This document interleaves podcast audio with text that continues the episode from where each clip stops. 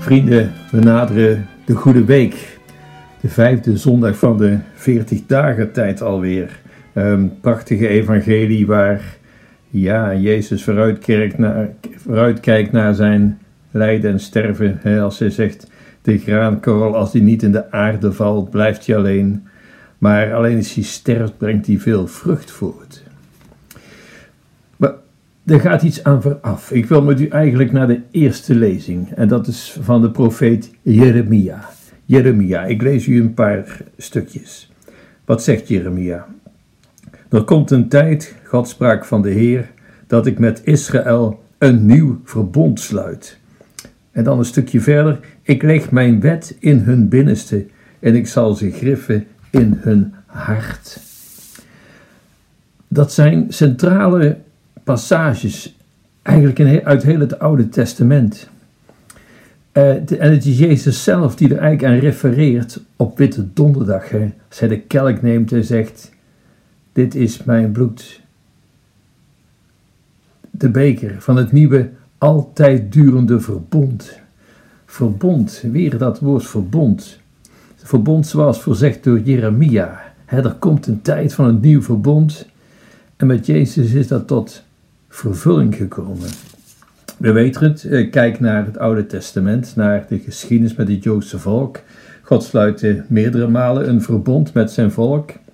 Eh, met Adam, met Noah, met Abraham, met Mozes, met David. En een verbond, wat is een verbond? Niet, niet te verwarren met contract. Een contract is, dan heb je rechten en plichten. En dat is meer een juridisch verhaal. Een verbond is veel breder. Hè? Denk aan een huwelijksverbond. Kijk, een huwelijkscontract is het bij de burgerlijke stand, laat ik maar zeggen. Ehm, je krijgt ineens verplichtingen en rechten tegenover elkaar en fiscaal heeft het gevolgen. Maar een huwelijksverbond, dat betreft je hele leven. Mijn leven is van jou, het jouwe is van mij. Um, op elkaar betrokken zijn, een verbond. En wat is het verbond van God met ons? Ja, hij zegt het heel pregnant: Ik zal uw God zijn en gij zult mijn volk zijn. Het is niet zoals bij een contract, uitwisseling van, van goederen, maar van personen. Ik ben van u, u van mij. Centraal in het verbond staat de wet. Met, met een hoofdletter. Hè? De wet van, die God aan zijn volk heeft gegeven. En God stelt, ja, hij geeft ze geboden, verboden. in die zin, als je bij mijn familie wilt horen, he, gij zijt mijn volk, zegt hij tenslotte, dan moet je je wel op een bepaalde manier gedragen. uiteindelijk breng je leven in overeenstemming met het goddelijk leven.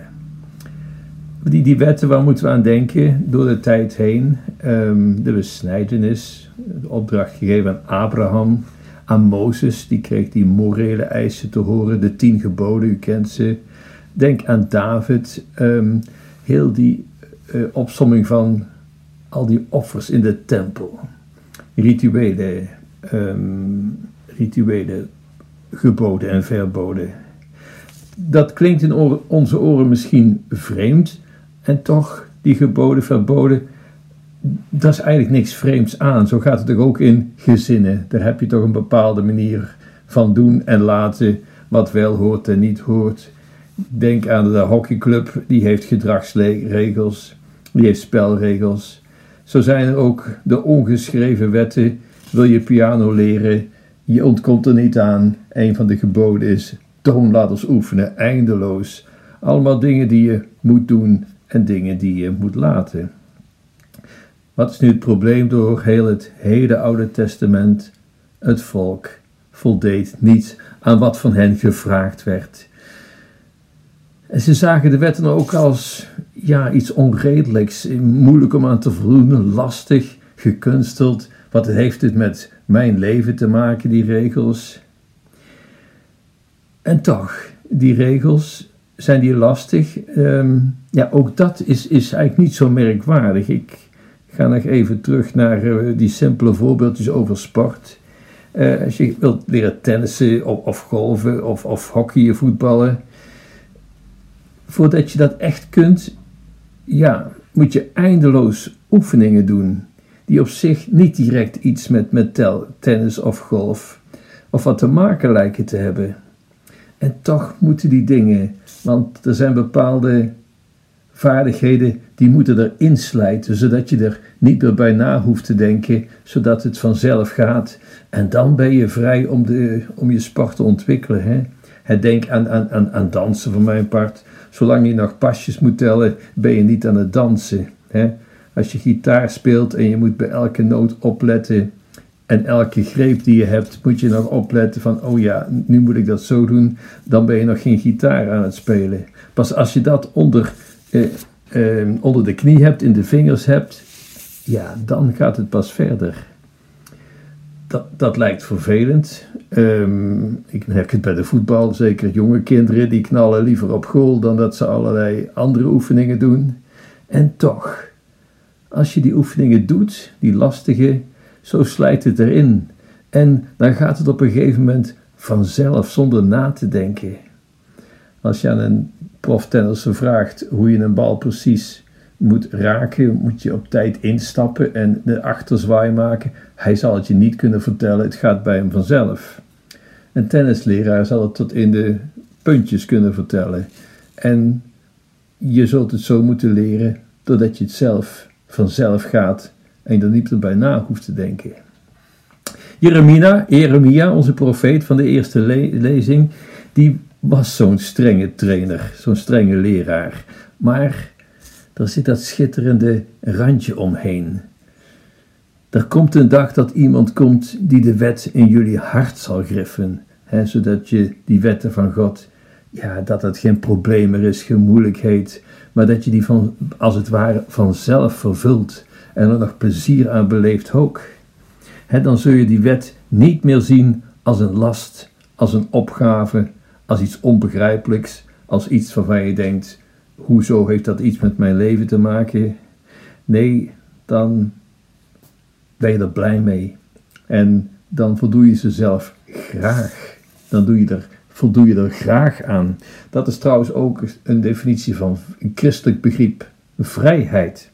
Dat is graag doen wat je eigenlijk zou moeten doen. Dus niet met tegenzin, maar graag doen wat je eigenlijk zou moeten doen. En weet, dan is een mens vrij. Um, wat doet Jezus op het laatste avondmaal? Dit is mijn bloed, het nieuwe verbond. Jezus bloed. En Jezus die het woord van God zelf is, de logos. Hè? We kennen het van het Johannesevangelie. In het begin was het woord, het woord was bij God. En het woord was God. En het woord is vlees geworden. En dat refereert uiteraard aan Jezus. En God die is de Torah zelf. Hij is de wet zelf. Hij is de reden zelf. Hij is vlees geworden. En wat is de implicatie daarvan als we Hem tot ons nemen in de Eucharistie? Dit is mijn lichaam, dit is mijn bloed. Dan komt Hij in ons hart. Tot voor kort werden de geboden gegrift in steen en op papier is geschreven. Nee, het is wat Jeremia zegt. God, die zal het griffen in ons hart. En wij kunnen Hem tot ons nemen, want het is Zijn lichaam en Zijn bloed. En die Eucharistie maakt ons deelgenoot aan dit goddelijk leven. Het is ook niet van niks hè, dat het eh, Tweede Vaticaans Concilie de Eucharistie bron en hoogtepunt van heel het christelijk leven noemt. Dit is het altijd geweest. Thomas van Aquino hè, die noemde de sacramenten die maken ons deelgenomen aan, aan de goddelijke wet, zo zegt Thomas. En wat zegt Thomas er dan nog eens een keer bij? Het belangrijkste sacrament is de Eucharistie.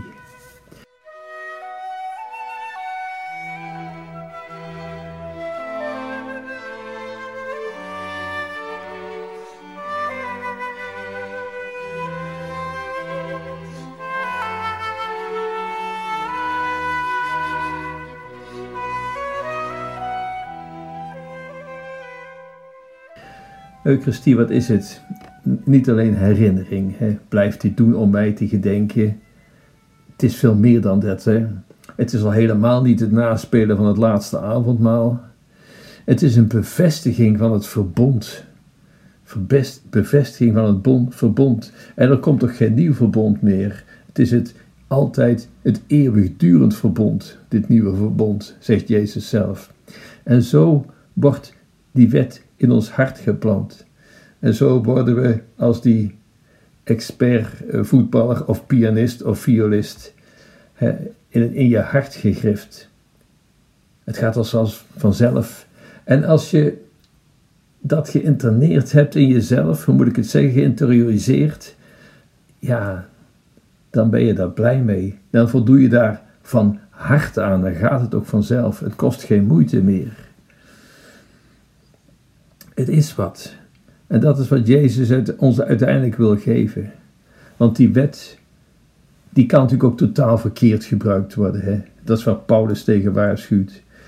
Vooral de schriftgeleerden en fariseeën. Ja, de wetten, ze kenden ze allemaal. Van de tien geboden, ze hadden het dusdanig uitgelegd dat het er meer dan 660 waren, geloof ik.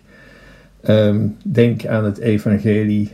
Jezus geneest een lamme en hij staat op. En je zou denken, iedereen is blij voor die man. Maar nee, maar nee. Het is op een Sabbat dat Jezus het doet. En die wet gebruiken ze niet ter bevrijding wat voor het bedoeld is, maar om iemand erop te wijzen. Het gevaar van die wet is met die schriftgeleerde fariseeën, die waren er zo goed in thuis, die wisten precies hoe het zat. En die wisten dus ook precies waar anderen tekort schoten. En zo verheven zij zichzelf boven de anderen. En dat is nou wat net niet moet gebeuren. Wij mogen opkijken naar de verhevenen, maar dat is wel Jezus aan het kruis. En dat zal ons nederig moeten maken.